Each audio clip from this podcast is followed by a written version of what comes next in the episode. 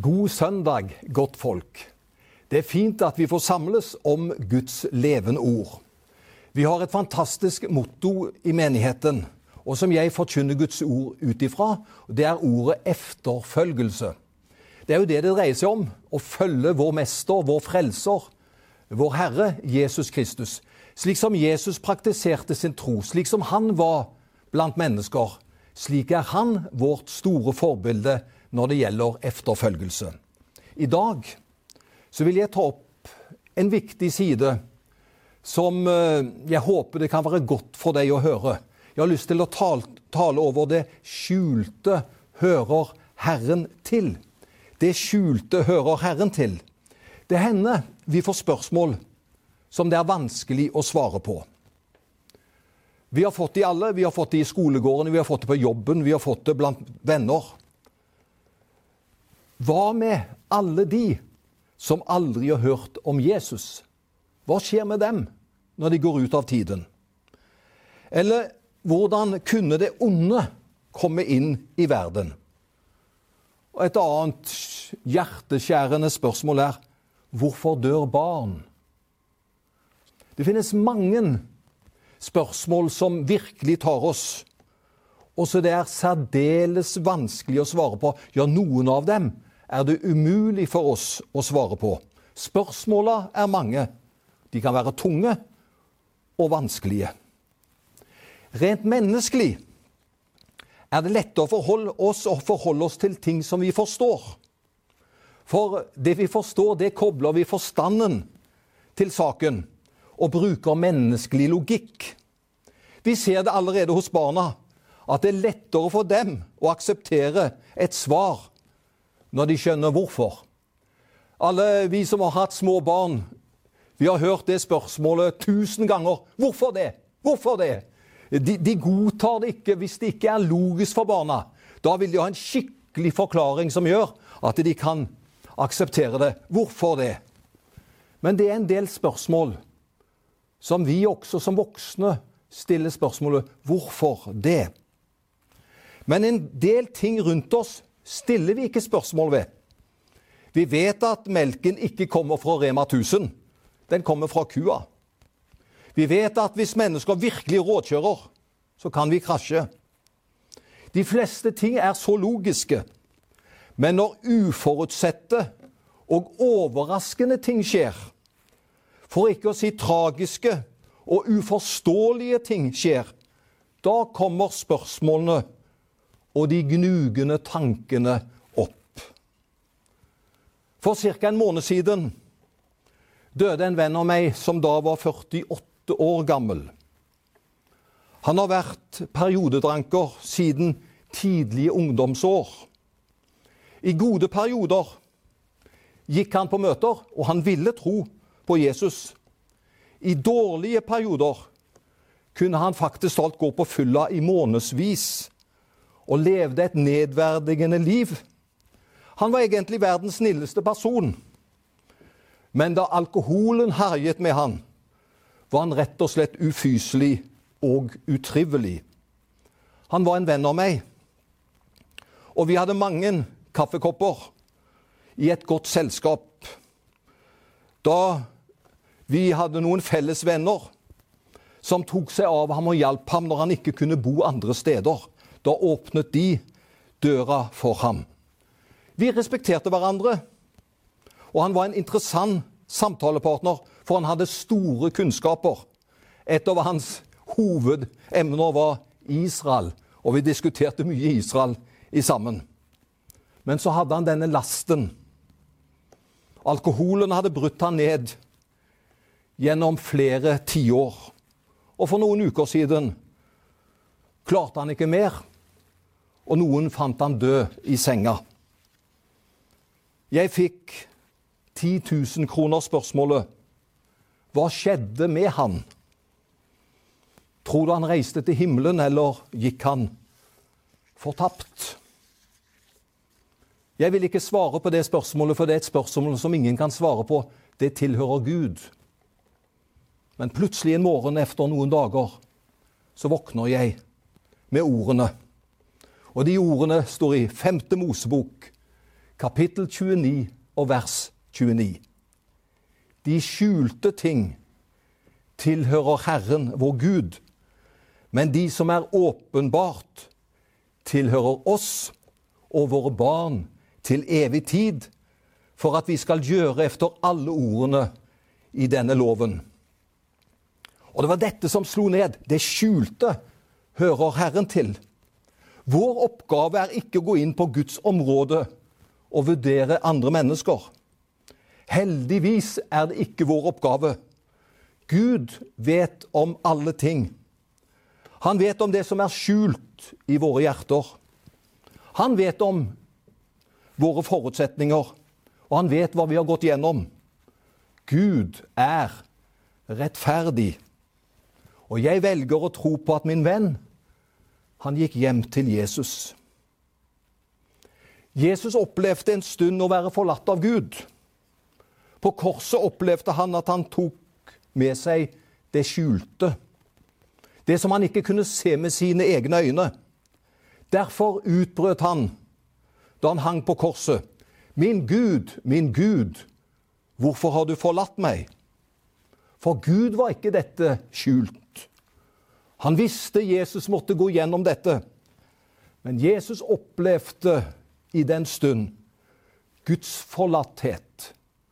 Og jeg tror at Jesus opplevde Guds forlatthet på korset for at vi aldri skal gjøre det. Ingen siden har vært forlatt av Gud. Han er alltid nær oss. Men det skjulte, det hører Herren til. Disiplene skjønte heller ikke hvorfor Jesus måtte gå inn i lidelse og oppleve Guds forlatthet. Det står faktisk talt i Lukas kapittel 18 at de skjønte ikke noe av dette, leser vi. Det var skjult for dem, og de forsto ikke hva han mente. Her taler Jesus om at han skal gå opp til Jerusalem. Han skal lide og dø, og han skal stå opp igjen. Men etter at Jesus hadde sagt dette, så, så står det at det, det var skjult for dem. De forsto ikke hva han mente. Men venner, likevel fulgte de ham hele veien. Det er mange ting som ikke vi forstår. Vi forstår ikke når ei ung mor med fire små barn blir syk og dør. Vi forstår det ikke. Jeg tenker på denne mora og de fire små barna. For i den perioden hun lå på dødsleiet, så var de fire barna hjemme hos oss for at far til barna, mannen til mor, kunne være hos henne på sykehus. Og en dag så kommer pappa hjem til oss og samler de fire små barna. Og så sier han nå må vi kjøre til sykehus, så dere kan ta farvel med mamma. For mamma kommer til å dø. Og Ebbe og jeg, vi ble med i bilen. Barna bodde jo hos oss på denne perioden. Og vi kjører til Kristiansand. Vi rekker akkurat å nå Brita. Vi var vel sammen med henne kanskje en halv time på dødsleiet. Og så dør hun. Og så er vi der, fire små barn. Ektefelle, far og Ebbe og jeg. Vi er der.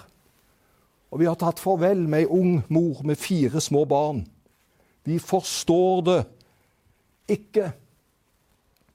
Og vi må bare si det slik, vi forstår ikke at noen mennesker skal bli plaget med sykdom gjennom et langt liv heller. Livet er sannelig urettferdig, og vi forstår det ikke. Men om vi kan klare å akseptere at det skjulte hører Herren til, og at vi ikke trenger å forstå sykdom og sorg Hvis vi kan legge det på Herren, og ikke grave oss ned i tankene, så kanskje kan det bli lettere for oss. Men lett er det ikke. Da jeg var en brennende ungdom Nå er jeg bare brennende. Men da jeg var en brennende ungdom, så hadde jeg svarene på de fleste områder. Svarene satt ikke akkurat i baksetet i bilen. Nei, de styrte mange ting. Etter hvert som tiden går, og man blir mer moden, så har jeg opplevd at verden ikke var et A4-format. Man ble modnere og opplevde at svarene ikke alltid var på plass. Faktisk så trenger man ikke ha svar på alt. Man kan godt leve med spørsmål og uten å vite svarene. Og jeg syns det er befriende noen ganger når de stiller spørsmål til meg, og jeg kan svare 'Det vet jeg sannelig ikke'. Det er en befrielse. Jeg går jo ikke rundt som et leksikon som har alle svarene. Vi må akseptere det finnes viktige spørsmål som ikke vi kan gi gode svar på. Jobb i Bibelen har på et tidspunkt mistet alt. Kona og barna var borte. Huset var brent ned, og dyra var gått tapt. Han hadde mistet absolutt alt. Det eneste han hadde igjen, var Gud. Og så kommer disse forløsende ordene. Jeg vet min gjenløser lever, og som den siste skal han stå fram på støvet. Jobb 1925. Den som har Gud som klippen gjennom alt, har noe å gå videre på. Men det er slett ikke lett. I møte med spørsmål som jeg ikke har svar på, utfordres jeg til å stole på Gud og hans rettferdighet. Det er noen ting vi vet, og så er det noen ting vi ikke vet. I møte med spørsmål jeg ikke har svar på, utfordres jeg til å stole på Gud og hans rettferdighet. Og jeg kan si det som mitt vitnesbyrd. Jeg stoler på Gud og hans rettferdighet. Og nå hviler jeg i at det skjulte hører Herren til. Men det står noe fint i slutten av verset i 5. Mosebok 29. 29. Siste delen av verset lyder slik.: Men det åpenbare er for oss og våre barn til evig tid. Hva er det åpenbare, da? Det som ikke er skjult. Hva er det åpenbare? Jo, det skal jo følge oss. Det er det vi har sett og vært med om. Det er våre erfaringer, og det er minnene vi har. Det er det åpenbare. Disiplene hadde vært med om mange åpenbare ting.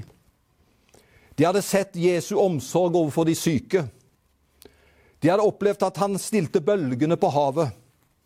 De hadde sett at han hadde mettet 5000 menn foruten kvinner og barn. Det var mange åpenbare ting de kunne ta med seg og glede seg over når de så seg tilbake. Og Jeg har lyst til å si det til du som er med i gudstjenesten i dag. Fyll deg med de gode minner. Tenk over de gode opplevelser. Vi trenger det. Og har du mistet noen som har betydd ekstra for deg, om det er en ektefelle eller en far eller en farfar eller bestemor, hvem det måtte være, men en person som du ikke har lenger iblant deg. Du var så glad i vedkommende. Jeg vil gi deg et godt tips. Tenk på de gode minnene. Gå gjennom fotoalbumer og se de fantastiske ting dere opplevde sammen. Gled deg over det. Det åpenbare er for oss og våre barn, og de skal være med og gi oss gode minner i livet. En dag er vår tid over. Jeg stoler på Herren. Og jeg utfordres til å stole på at også døden har han overvunnet. Det er befriende å tenke på at det skjulte får Herren ta seg av. Og nå hviler jeg faktisk talt i at det skjulte hører ham til. Må Gud velsigne deg. Er det ting som er vanskelig i ditt liv? Legg det på Herren. Søk ikke svarene men søk trøst og hjelp hos Herren. Han vil være med deg gjennom alt. Gud velsigne deg. Amen.